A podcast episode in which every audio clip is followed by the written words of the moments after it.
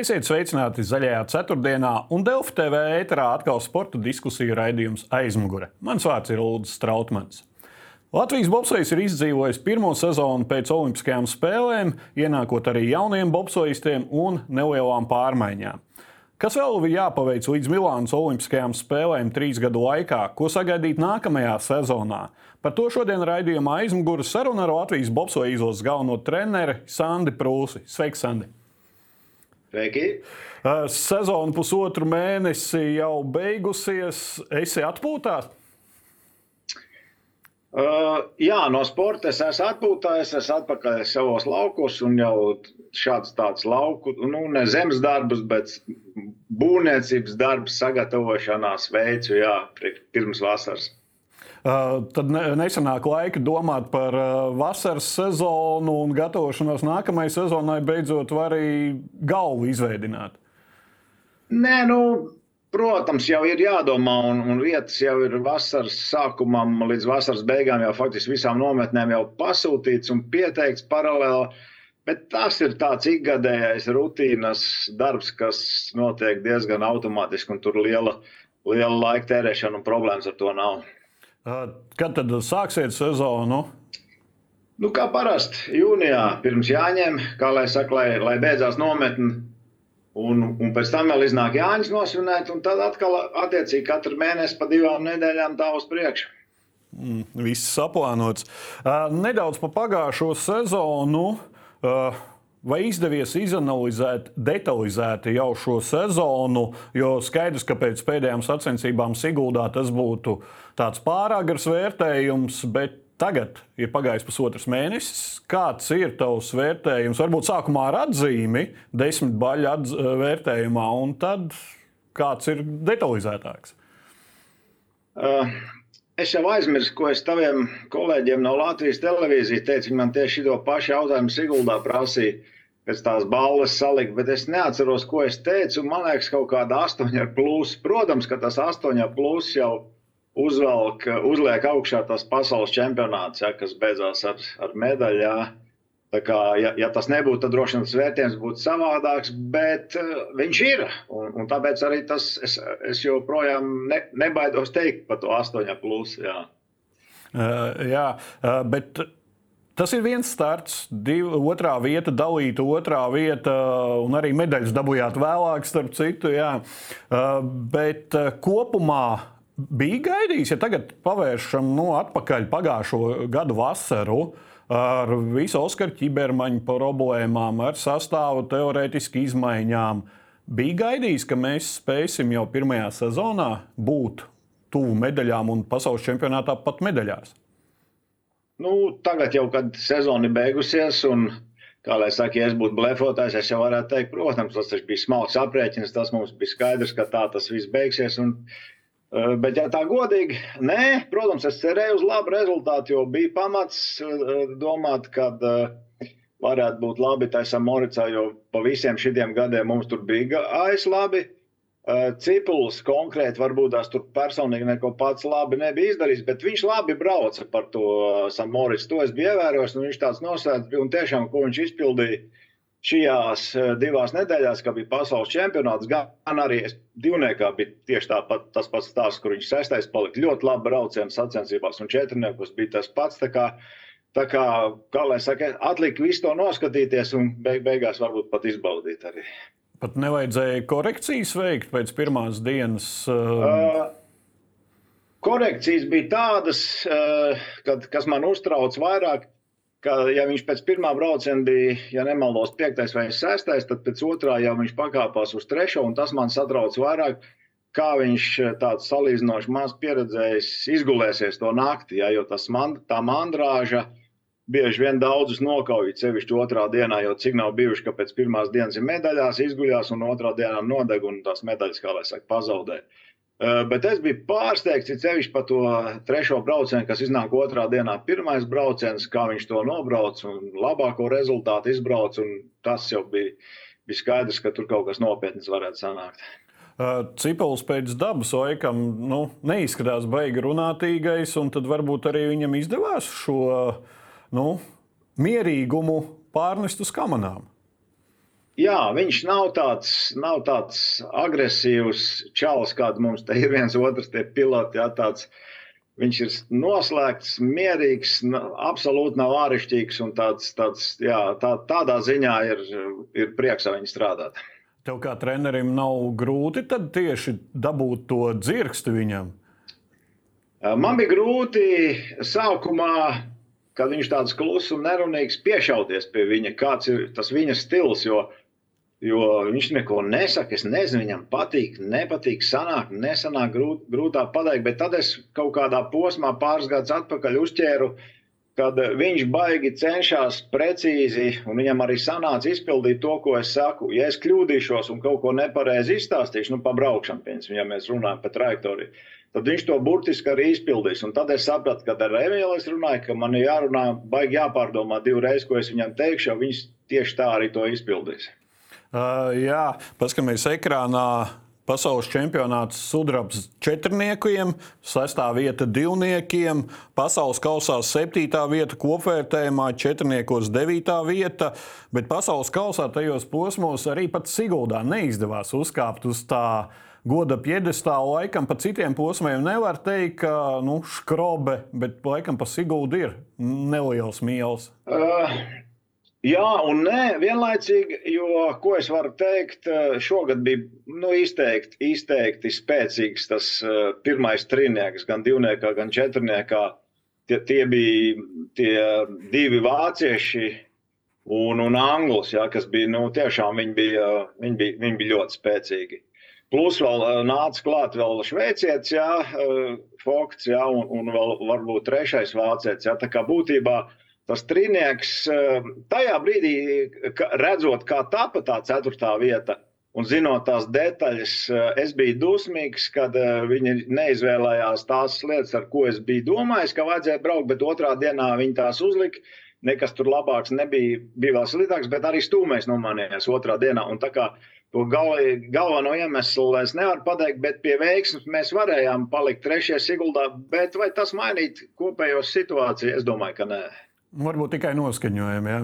Nu, Noskaņojām tajā, tajā brīdī, un, un, un tiem skatītājiem kaut kāda gandarījuma, tie, kas tur bija atbraukuši klātienē, droši vien jā, bet es domāju, kopējo situāciju tas absolūti sportisko pusi nemainīja. Ja vēl par sportisko, Jēkabs Kalenda debitēja viens no retajiem arī junioriem pasaules eh, kausa lielajā apritē, daudz braukā pārsvarā pa Eiropas kausiem. Eh, zināmā mērā arī tev pārsteigums, laikam, Kalenda ir. Uh, jā, jā, protams, bet uh, viņš ir pilnīgi, pilnīgi savādāks kadrs nekā Emīls. Viņš ir, kā lai saka, īstenībā baigais īpatnis, bet es teiktu, laba, labā nozīmē.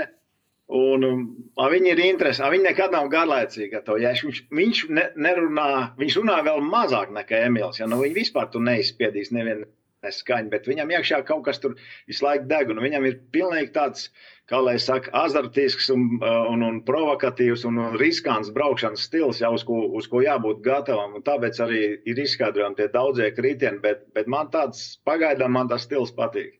Tad, uh, no malas izklausās, ja iepriekš Latvijas Bobsoja izlasē bija tāda nu, iekšējā komandas vārīšanās, dzirdēts viss kaut kas, tad tagad izklausās tā, ka grūti dabūt vaļā runāšanu no pilotiem? Um, es, es nezinu, kā viņu, kā viņu abu šo pilotu sportiskā karjera attīstīsies, bet es domāju, ka jums, žurnālistiem, būs grūti, jo viņi tiešām nav tādi baigi uz ārā. Varbūt tās, ka viņi ir sevišķi jēška, varbūt ka pieaugs, kaut kas mainīsies, bet, bet šobrīd tur no viņa liekas skaņa nedabūs. Tad uh, nebūs tādas TV zvaigznes un, un virsrakstu cilvēki. Ja? Es, es domāju, ka nē, Šo, šobrīd nekas par to neliecina. Uh, Sanda Esija Latvijas izlasē jau 17 gadus. Laiks lido vējas pārniem nežēlīgi. Šausmīgi. Jā, es apskatījos, 2006. gadā sāk strādāt. Liekas, it kā nesen. Jā. Kā tu vērtē Latvijas bobsoju kopš tu atnāci un kas ir tagad? Bobsleju, nu, bobslejā. Neka... Es sapratu, jā. Baigi jau nekas nav mainījies. Tā kā es atnācu, mums bija, varētu teikt, viena vai pusotra ekipāža. tagad jau arī varbūt nekas daudz vairāk nav mainījies. Nu, es domāju, tā nopietnā veidā it kā, it kā tie līderi pamanījušies. Tad es atnācu, mums nebija neviena medaļa, kā lai saka, pasaules čempionātos. Jā. Olimpiskās spēlēs un tādā, tādās mačos. Tā tagad tas mums it kā ir. Paši esam to laktiņu diezgan augstu pacēluši, un tāpēc viņu nav tik viegli vairāk noturēt. Un arī tā, tie, to cilvēku, to gribētāju un tās prioritātes, kas nāk uz to bokslē, viņu vairāk nav tik daudz kā tajos laikos. Jā. Uh... Vēl viena par nākamo sezonu runājot, vai ir jau skaidrība par visiem posmiem, par noteikumiem, par uh, niansēm un arī par Latvijas dalību? Uh, absolūti nē. Kā pa posmiem noteikti nav skaidrība. Es pat nezinu kalendāru. Uh, es braukšu tagad. Uh, kas tas iznāk 24. aprīlī, būs tā sporta komisija. Mums tur Austrijā, kur ir tas uh, office uh, starptautiskajai federācijai, tur divas dienas būs sapulcs. Tad es ceru, vairāk kaut ko uzzināsim par, par kalendāru arī nākošajai sezonai. Un arī par noteikumiem. Tur pie reizes arī apspriedīs jaunos noteikumus, un, un pēc tam vēl tajā e, eksekutīvajai komisijai jāpieņem. Viņu pieņems, nepieņems. Jā, tad, tad par to varēsim pēc kāda mēneša varbūt runāt par jauniem noteikumiem. Bet es domāju, ka tur nekas tāds baigi radikāls nebūs. Ik pa laikam runā par to, ka šī vācu dominance vajag kaut kādā likumiski apturēt un tā tālāk, bet uh, ir kaut kādas iespējas, ka nebūs tikai viena nācija, kas pirmās trīs vietas ir sadalītas apmēram, un tad pārējie.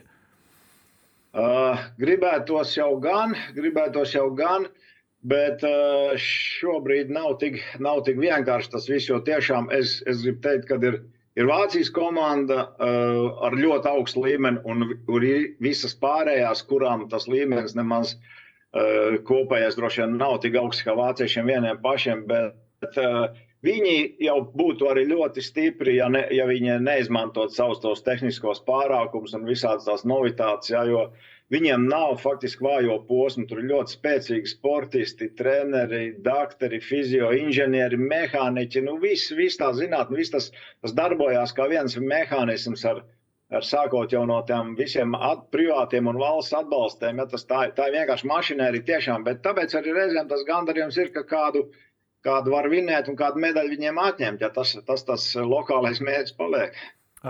Kāpēc es to tā jautāju? Tāpēc, ka tev nav pašam sajūta, ka šī vācu dominance kaut kā atcīt simpātijas pret bobsleju kā sportu. Uh, nekas jau tā nenogalina sporta veidu kā vienas nācijas vai viena cilvēka dominance. Protams, protams. Uh, to mēs esam neklātienē arī ar viņiem daudz reizes pārunājuši, bet ar viņiem pašiem, tiem, kā lai saka, uh, treneriem vai sportistiem ir grūti runāt, jo viņi katrs atbild par savu jomu, un viņiem tāpatās ir daudz liela konkurence uz tām, uz tām vietām, un viņi vienkārši dara savu darbu. Es pat domāju, varbūt pas, nu, es nesaku simtprocentīgi, bet 99% pat varbūt tās zinot, kāds cilvēks ir Friedrichs, jā, absolūtais. Un, neatkārtojamais čempions Bobslē. Es domāju, ka varbūt tās pat viņš eh, vienu otru reizi nebrauktu ar tādu tehniku, ar kādu viņš brauc, ja viņš zinātu, kas tajā tehnikā tur ir aizliegts, neaizliegts vai, vai pusatļauts vai neatļauts iekšā. Jā. Bet nu, tāda ir tā kopējā sistēma, un viņi darbojas tādā veidā. Tad var teikt, ka Vācijā Friedrichs, piemēram, atnāk, iekāpj un brauc. Ja? Viņam nav jādomā atšķirībā no citām komandām par Nu, viņiem ir piedāvājumu ļoti daudz, un viņam tikai atliek izvēlēties. Jo atšķirībā no citām nācijām, viņi brauc ar jau notestētām kamerām, un regulējumiem un veidojumiem. Kamēr viņi brauc pa lieliem pasaules kausa mačiem, viņiem paralēli ir Eiropas kausa, un paralēli viņiem ir četras trases, kur paralēli tiek testēta tehnika, ja, un tur arī E, piloti, kas ir bijuši kādreiz apritē, to visu testē. Kā es teicu, tas ir baigi augstais līmenis, bet mēs pat dziļi jau lienam tais detaļās iekšā. Un es jau ceru, ka mēs kaut ko atkal ierobežosim, bet e, es domāju, ka viņiem tas tehniskais pārākums ir tik spēcīgs, ka viņi jau. Aha, šito mums ierobežoja. Tagad mēs ņemam nākošo. Ko es gribu teikt, noliktavā pa plauktiņam jau ir salikts tie, tie, tie šmuguļi saucamie, ja, un tad ik laik tik atliek kādu izvilkt ārā. Uh. Kāpēc citas valstis, nu, pats teici, ir Vācija, un tad ir pārējās valsts, kuras kopā nav varbūt tik spēcīgas tajā tehniskajā un visā aprīkojumā. Tā ir starptautiskā federācijas vaina, vai kas ir, kas ir jāizdara varbūt citām valstīm, lai pietuvinātos? Uh, nu, nu, ko, var, ko var izdarīt citas valstis? Jā, es, es varbūt kārtu tur reiz tur, nu, kā lai saka, neprecīzi vai kā, bet ja Vācijai tur bobslējam ar skeletonu, es pat nezinu, vai tur ir kamans iekšā vai nav. Ja budžets bija kaut kur tajā ciklā pirms Pekinas, ja 15 miljoni, ja, ja mēs domājam par izdzīvošanu, kāpēc mēs nebraucam uz mačiem uz Ameriku? Tāpēc, ka mums nav vienkārši elementārs lietas, naudas nav. Otrs, ja mums nomest tos miljonus vai, vai, vai nezinu, cik simts tūkstoši, ja, vai mēs īsā laikā paspēt kaut ko uzbūvēt vai radīt, diez vai, tāpēc, ka tas jau ir radīts un darīts gadiem. Tā ir pieredze, ja tur ir cilvēki, neredzamā komandas daļa, kas aiz viņiem strādā. Jo nepavēl bija statistika pēc Korejas Olimpiskajām spēlēm, ka kopā treneri, mehāniķi, tas ir bez sportistiem, kas bija saistīts ar Reni, ar kamanām, skeletonu un bobsleju bija ap 80 cilvēkiem, bija līdzi apkalpošais personāls uz, uz Korejas Olimpiskajām spēlēm. Tā mēs cīnāmies tik liela nav. Va, va, tur jau tā lieta, un vis, nu, viņi jau nedzīvo visi ciematā. Tur jau ir privātās viesnīcas un viss, bet viņiem ir akreditācijas un caurlaids vai, vai biļets, kā viņi tiek iekšā. Ja? Ko es ar to gribu teikt? Viņi nosedz katru metru trasē. Tas ir tikai tajā brīdī, kad jau notiek Olimpiskās spēles, līdz tam jau tā tehnika ir sagatavota. Jo tur jau ir nu, nenormāls budžets un nenormāls tehnisks pārsvars tajā, tajā visā. Ko mēs varam likt pretī? Mēs nekad nevarēsim likt pretī saka, tādu tehniku. Mēs varam ar cilvēkiem likt. Dabūt talantīgs, spēcīgs cilvēks, ja viss sakrīt, uztaisīt komandu un tādā veidā viņiem cīnīties, tā kā mums bija Melbāžu laikā. Jā.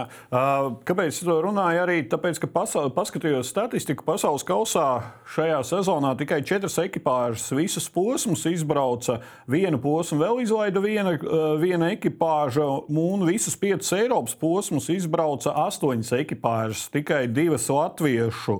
Pasaules čempionātā 24 ekipāžas finišēja, tātad visas brauca šo pēdējo uh, braucienu 2011. gadā pēc Vankūveras Olimpiskām spēlēm, kas ir kā pēcolimpiskais gads, uz ko varētu apskatīties, bija 33 četrnieki ekipāžas pasaules čempionātā.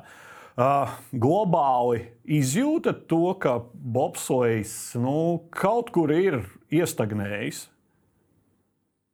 Um, redzi, tas skaits jau bieži vien uh, mainās uz to, uh, kad uh, atkrīt tās saucamās uh, vājās, vai es, ne, es žargonā runāju, čaņķa nācijas, ja, kas būtībā ir tikai statistika, kas būtībā ir tikai skaits protokolā un karoks, kas nekad ne pa ko nav cīnījušies, kas ir tikai dalībnieks. Protams, ka Uh, un tā, tā jau ir vairākos, piemēram, ziemas, uh, ziemas sportos, tāpat tās ir kamanās, līdzīgi tāpat tās ir skeletonā. Ja?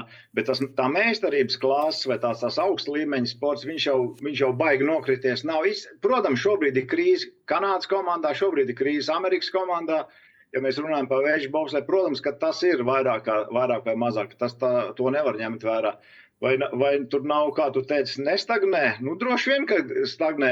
Ko, ko runāt par bobslēju stagnāciju? Mēs jau daudz kur dzirdam, ka ne tikai bobslējas, bet olimpiskā kustība visa stagnē. Nu, acīm redzot, tas atstāja iespēju uz, uz bobslēju.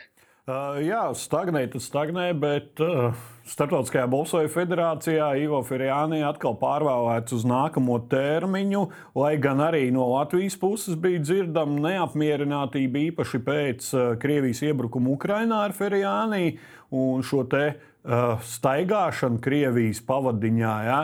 Bet nav Startautiskā Bolsojā tāda līdera cita šobrīd. Nu redziet, mans personiskais viedoklis ir tāds, ka Startautisko to bobsleju federāciju, nu ne tikai bobslēs, pat nebaidos teikt, arī kamanu, arī skeletonu, visu to, to reni vada vācu marketings, vācu cilvēki. Ja.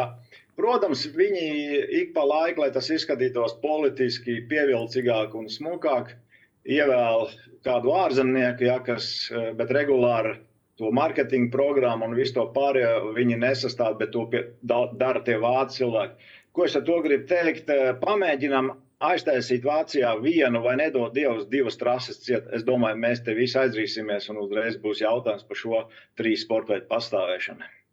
Tad Vācija palīdz izdzīvot.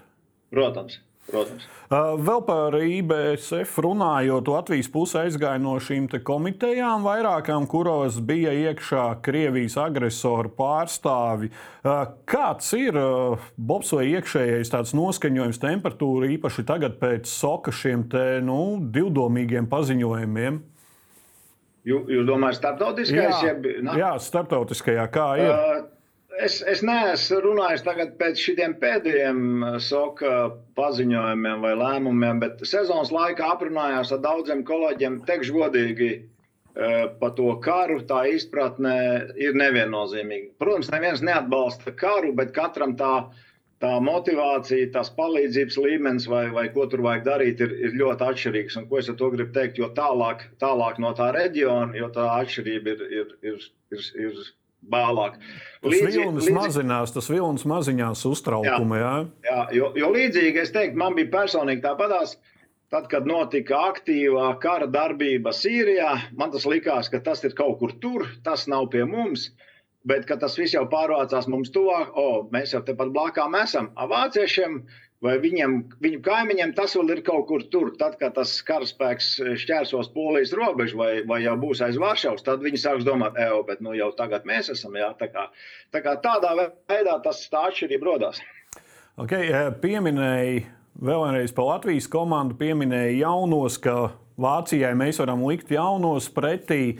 Uh, šīs pēdējos COVID, pēc Covid gadus, divus bija daži testi, jauno, atos, jauno bobsvejas atos testi. Ir izdevies tur atrast un turpināsim šos testus veikt. Noteikti. Tā tā ir mūsu vienīgā, tā ir mūsu vienīgā izdzīvošana. Mums jau nav.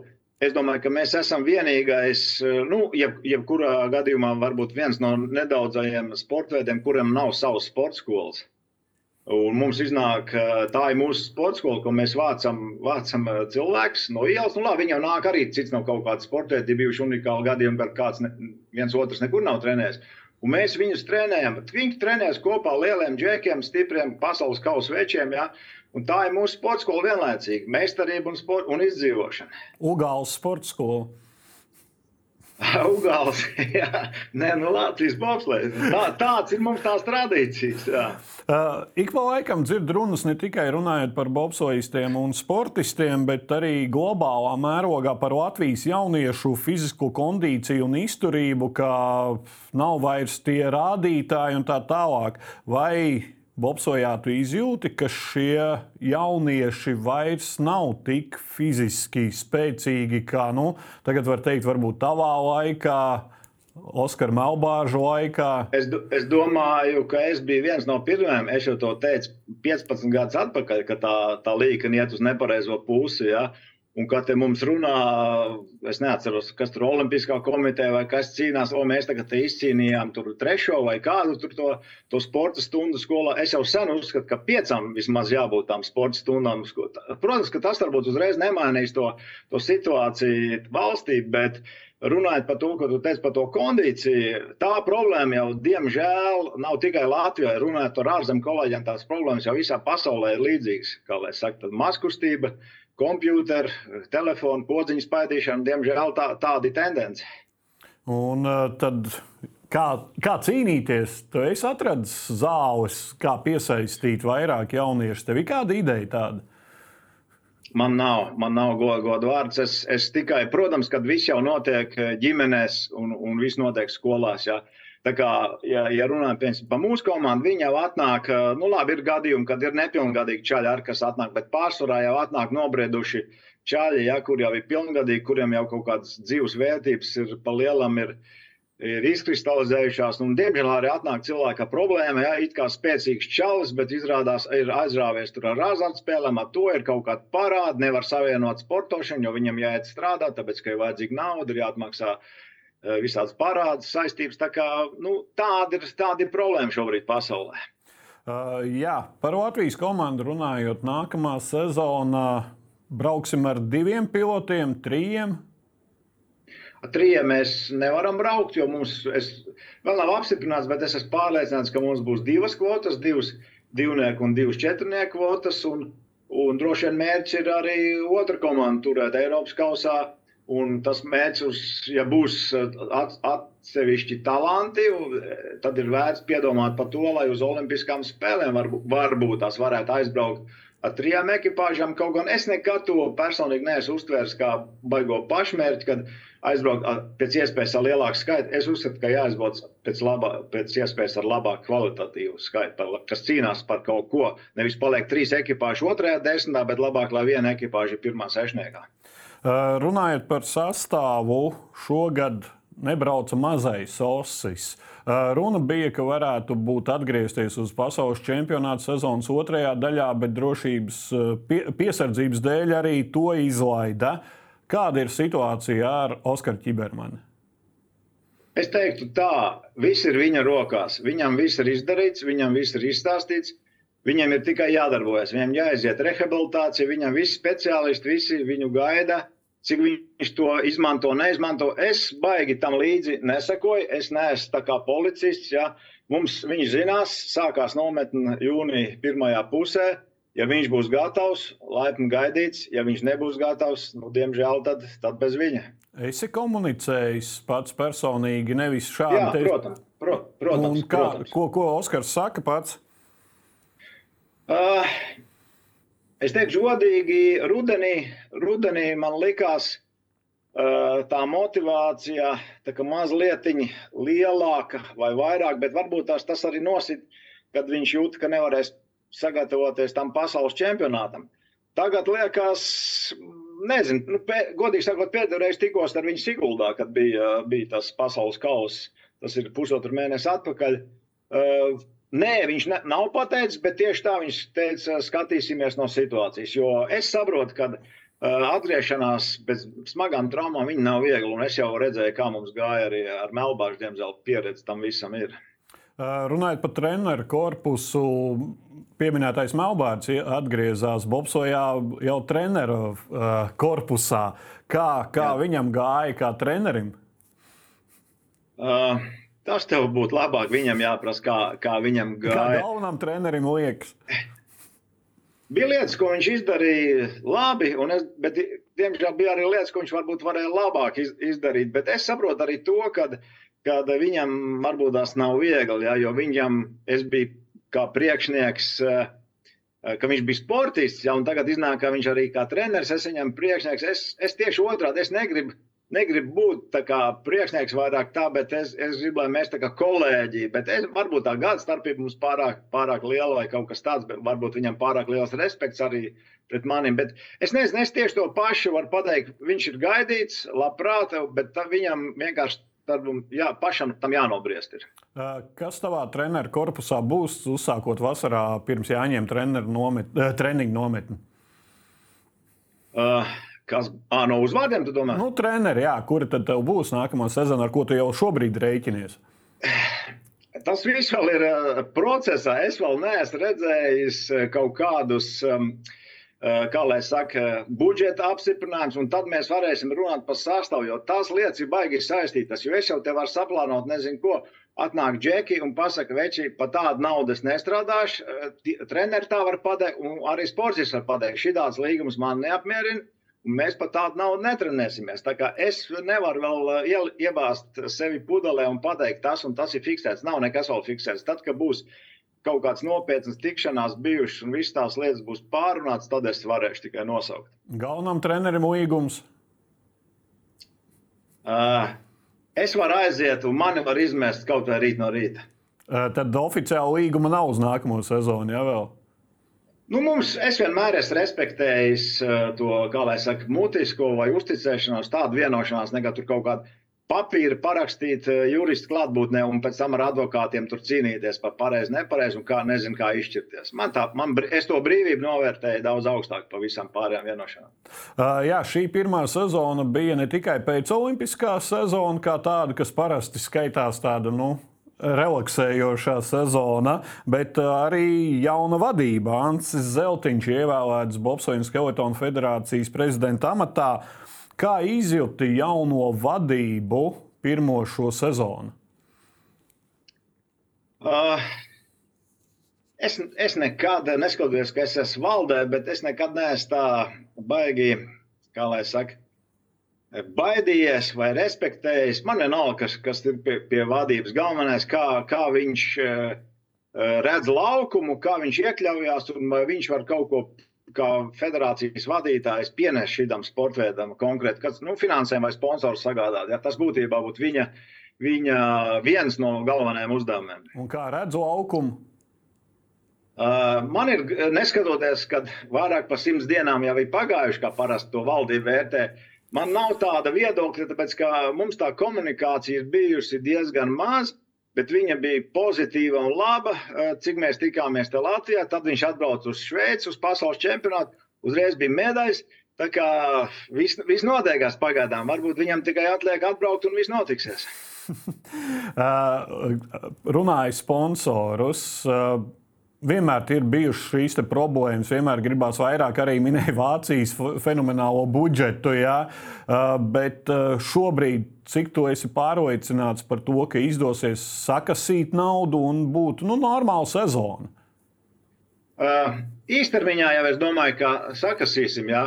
Man daudz vairāk uztrauc uh, ilgtermiņa problēmas. Ne jau tikai Bobslijā, bet uh, Latvijas sportā vispār. Es, uh, es redzu, ka šobrīd ir līdera vakums. Jā, visas tās jaunie uzstādījumi, tās, tās neskaidrības. E, nu, vienkārši nav naudas, un nav arī līderi, kas ko konkrēti bīda kaut kādu programmu. Vai tas sports ir vajadzīgs, vai tā olimpiskā kustība ir vajadzīga. Vienā dienā jā, otrā dienā nē.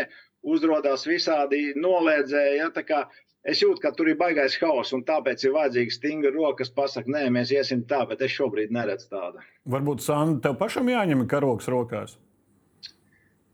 Uh, tur ir vajadzīga komanda. Tur ir vajadzīga komanda. Man nav tādas komandas. Jā. Es esmu tikai, kā lai saka, šaurā, mazā pulciņā darbojos. Domā, ka līdz, līdzgājējs neatrastu?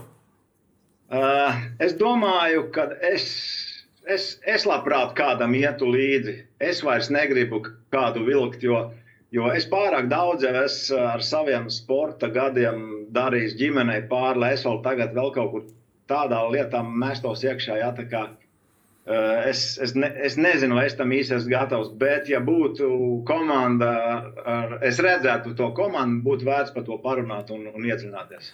Noslēgumā vēl viena tēma, kas ir tieši saistīta ar bobsleju. Atkal izskan runas, ka Olimpiskās spēles varētu kandidēt Rīga un Stokholma. Kā tu šo te skaties? Jo mums tā jau tas sports ir, nu, ne, nevar teikt, gluži pabērnu lomā, bet vienmēr gribētos vairāk atbalstu, un īpaši arī bobslēgisti nav slēpuši šo finansiālo, bet tagad mēs uz tādu lielu, grandiozu mērķi sasparojamies. Uh, es īstenībā baigi relaksēt uz to skatos, jo es arī uz to pirmo kampaņu, uz to Stokholmas, kas bija laikam tas, eh, kas tas bija 26. gads. Nē, tas jau jau ar Milānu, ar Milānu Kortīnu, jā. Jā, kad tie itāļi pārķēra to. Es jau tad uz to skatījos diezgan nenopietni, jo, jo tie zviedri izskatījās savā starpā vēl nebija vienojušies, vai viņiem to vajag, vai viņi to nevajag, un tāpēc viņi gāja vai, kāds tur kas gāja, nesaprata, kas tur īsti jādara. Kaut gan tie itāļi nemaz tik pārliecinoši arī nenovinēja. Šobrīd, runājot par to Stokholmu, atkal es joprojām skatos rezervēti. Uh, Tad, tad bija viedoklis Sigulda, tagad jau dzird Rīga. Ja, ko tas nozīmē Rīga, ka mums te vēl būs kaut kāds hokejs vai kas, vai Zviedri mums atdos hokeju no Olimpijas. Es domāju, ka ir, tas ir smieklīgi, tas vienkārši ir nenopietni. Ja. Par to trasi es arī domāju, viņiem loģiskāk būtu vienoties ar Norvēģiju, Lillehammeru. Man tas Sigulda liekas um, pārāk tālu. Bet, protams, ja tas notiktu, es tikai priecātos, kā sporta pārstāvs, kad noteikti viena bāze būtu modernizēta, sakārtota. Beidzot, attīstīta. Četrniekiem arī ekipāžai. Uh, Mūžīgais četrnieku jautājums. Bet, Bet vai mēs varēsim to visu pavilkt? Jā, jo redzot, redzot kā cīnās uh, ar budžetiem, veselību, pedagoģu, policiju, pažarnieki, visi, vai tur vēl atradīsies sportam nauda, es īsti pārliecināts par to neesmu. Labi, paldies tev, Sandi, par sarunu un vēlēšu atpūtu, labu atpūtu, un tad uh, jūnijā sāc gatavot grafiku, sastāvu un Tad arī slieces, kamanas un visa pārējā. Sliedas es gatavoju paralēli arī tagad. Jā, tas nekas būs, es tur vai nebūšu, bet gan jau viņš kādam noderēs. Labi, paldies, Sandra, vēlreiz par sarunu. Skatītāji, šis bija raidījums aizmugure, kas katru ceturtdienu ir redzams Delfi TV un RTV ēterā. Raidījums aizmugure pieejams arī Apple un Spotify podkāstos. Mans vārds ir Ulrichs Strautmans, un lai jums jauks lieldienas!